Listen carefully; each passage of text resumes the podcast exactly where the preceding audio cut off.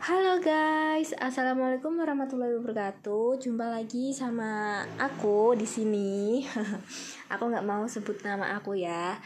Ya pokoknya jumpa lagi sama aku dan maaf banget aku baru upload lagi. Di sini episodenya itu beda ya dari episode sebelumnya episode sebelumnya adalah korban ghosting. Nah, sekarang ini bukan korban ghosting, tapi korban mantan yang pelit banget, guys. Bukan mantan pelit sih, lebih ke perhitungan. Nah, jadi gini.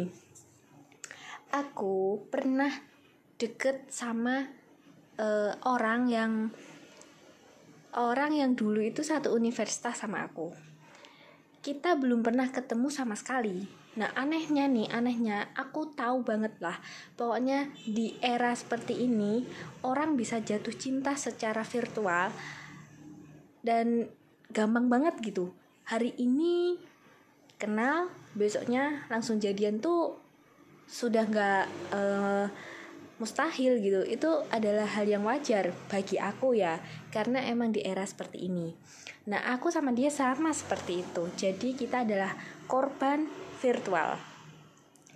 Aku kenal di dia uh, aku kenal dia aku kenal di dia. Aduh belepotan nih mulut. Jadi aku kenal dia itu melalui uh, sosmed ya Instagram. Nah dia DM aku pertamanya dia DM aku ya ya gitulah pokoknya kenal kenal gitu kan. Nah akhirnya kita chat nih kita pindah ke WA dari WA chat nyambung sana sini akhirnya uh, memutuskan untuk menjalin sebuah hubungan.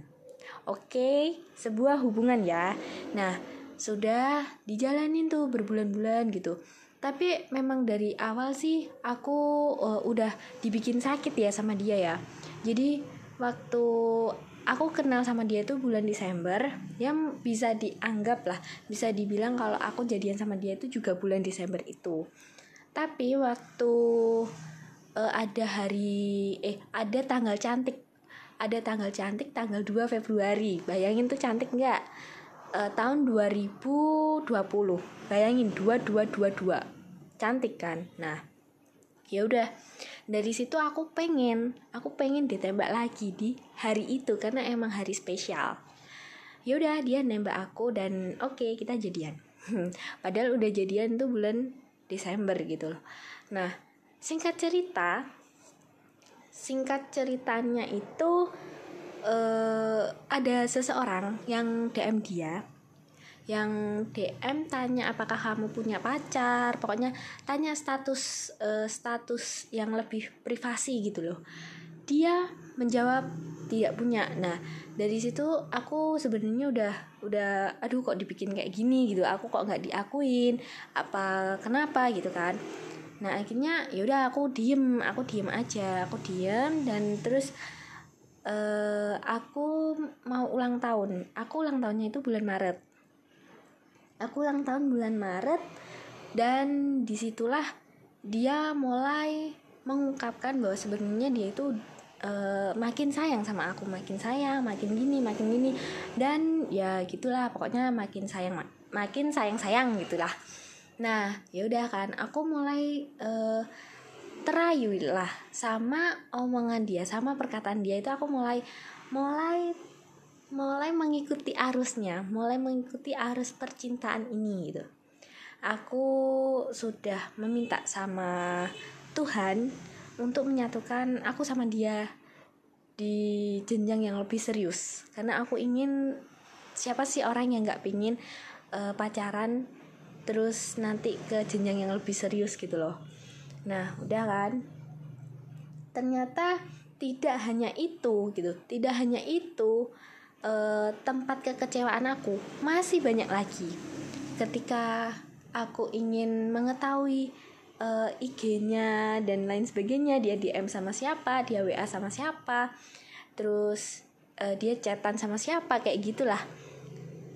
Dan di situ aku mulai terasa sakit hati. Kenapa? Karena dia masih chat sama cewek tapi ketika aku minta uh, passwordnya aku minta uh, emailnya dia menghapus semua pesan-pesannya. Padahal ketika kita tukeran nih kita tukeran email sama password uh, punya aku tuh nggak aku hapus gitu. Jadi biarkan apa adanya dan dia lihat apa yang bakal dia katakan gitu. Dan dia nggak mengatakan apa-apa yang justru yang malah sakit hati itu aku gitu. Karena pesan semua cewek itu dihapus sama dia makanya aku merasa sakit hati. Oke okay lah nggak apa-apa nggak apa-apa. Aku masih bisa nerima gitu aku masih bisa nerima. Berjalannya waktu lagi dia bohong. Dia bohong kalau dia eh, nggak uh, main sebenarnya main. Dia bohong katanya dia itu nggak ngerokok tapi sebenarnya ngerokok dan lain sebagainya dan masih banyak gitu. Ya udah gitu aku kesabaran aku masih ada gitu. Kesabaran aku masih ada dan aku masih bisa menerima dia meskipun uh, sudah tumbuh kata-kata udahlah kamu kayaknya nggak nggak cocok sama dia. Mending kita putus. Udah tumbuh kata-kata seperti itu.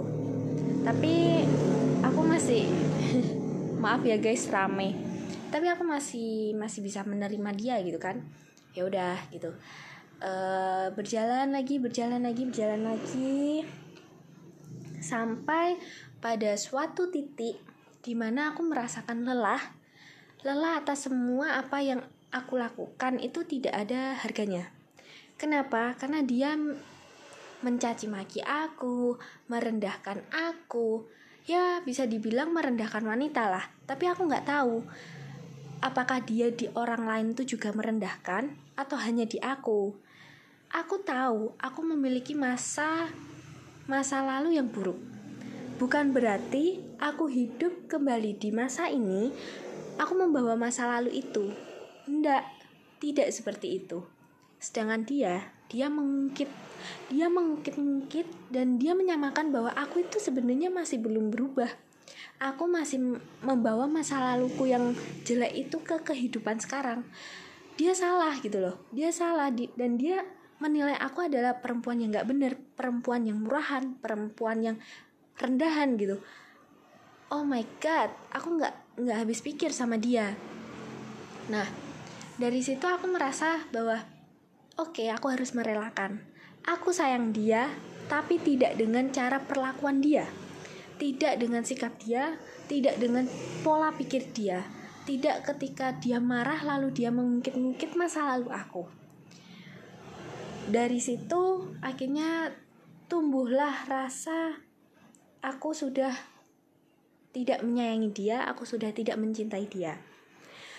Lalu berjalannya waktu mau memasuki tahun baru. Tahun baru 2021.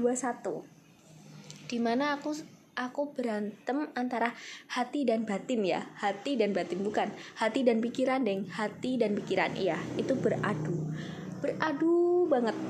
Dan aku harus memilih gitu. Aku harus memilih, aku harus uh, mencari yang mana nih?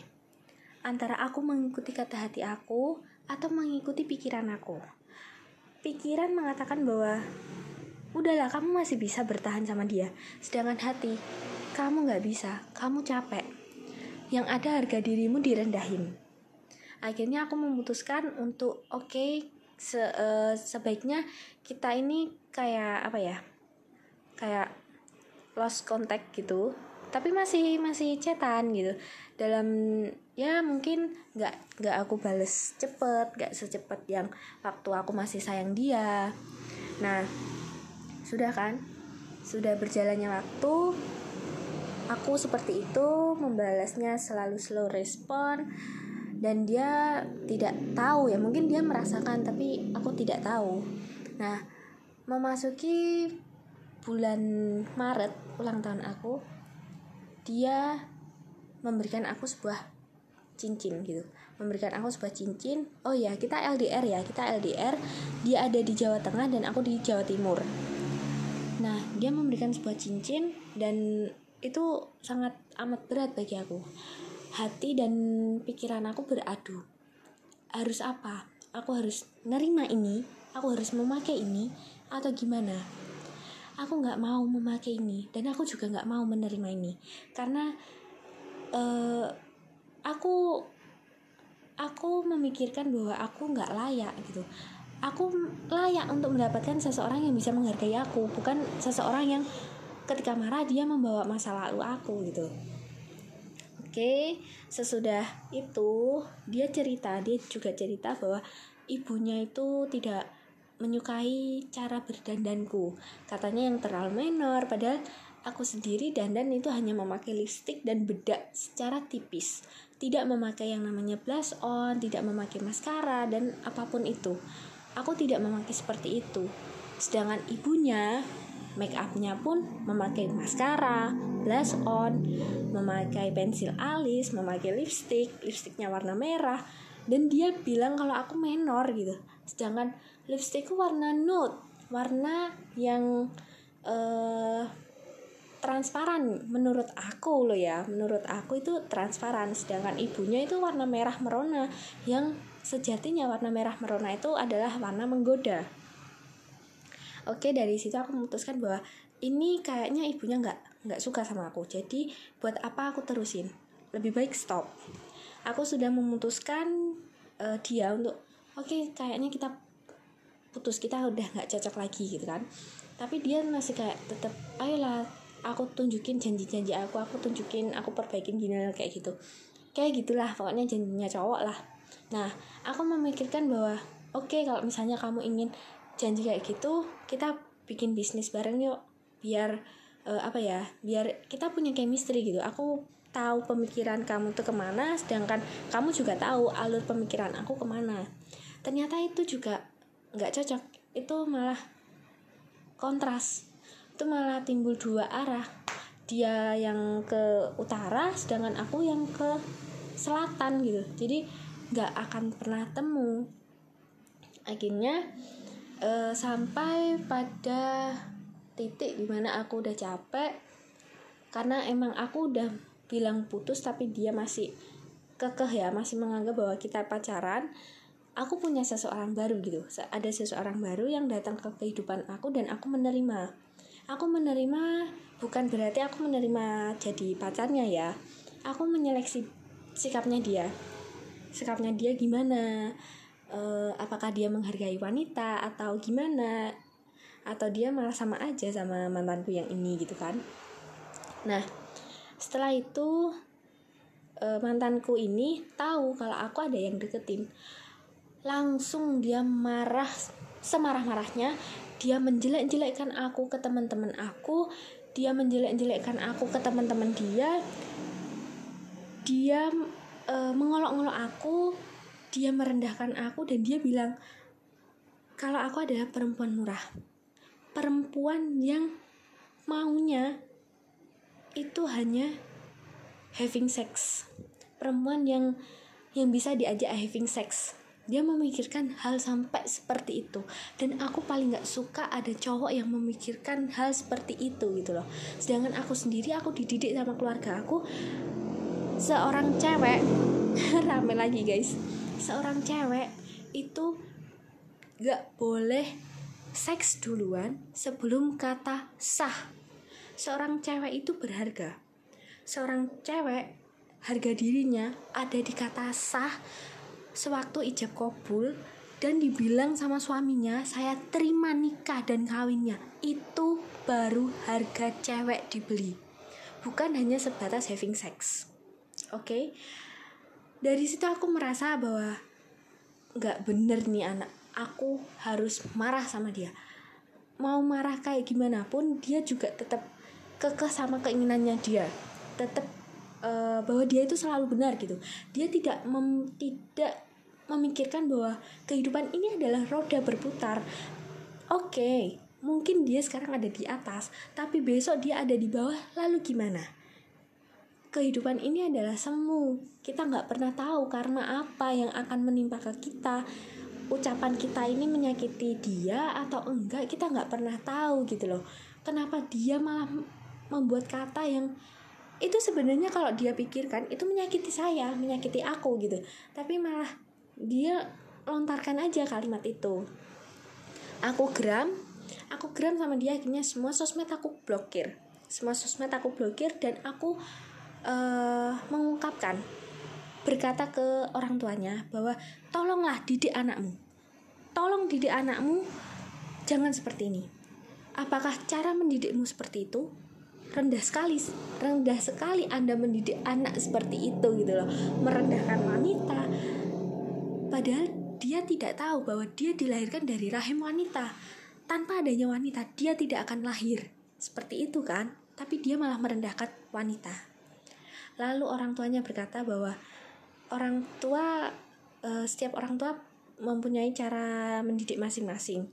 Jika tidak ada yang cocok ya sudah itu urusan berdua bukan urusan orang tua ya memang urusan putus, urusan tidak cocok itu adalah urusan berdua. Tetapi di sini yang saya tegaskan itu adalah konsep saya direndahkan. Konsep aku direndahkan gitu loh. Konsep wanita direndahkan. Aku paling nggak suka ketika wanita itu direndahkan. Wanita itu paling tinggi derajatnya.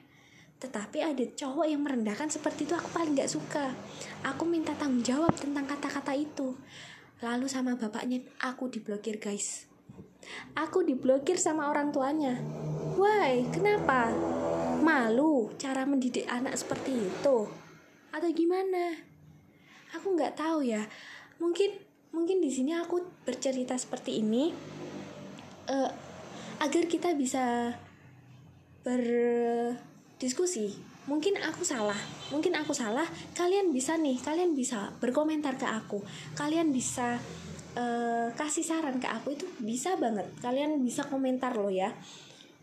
Kalau aku bener dukung aku gitu loh. Dukung aku. Apakah apakah yang aku lakukan ini benar kalau benar tuh lakukan pembelaan. Lakukan biar aku tuh punya punya pandangan luas bahwa bahwa yang aku lakukan memang benar tujuan aku tuh membela wanita gitu. Membela bukan harga diri aku aja loh ya.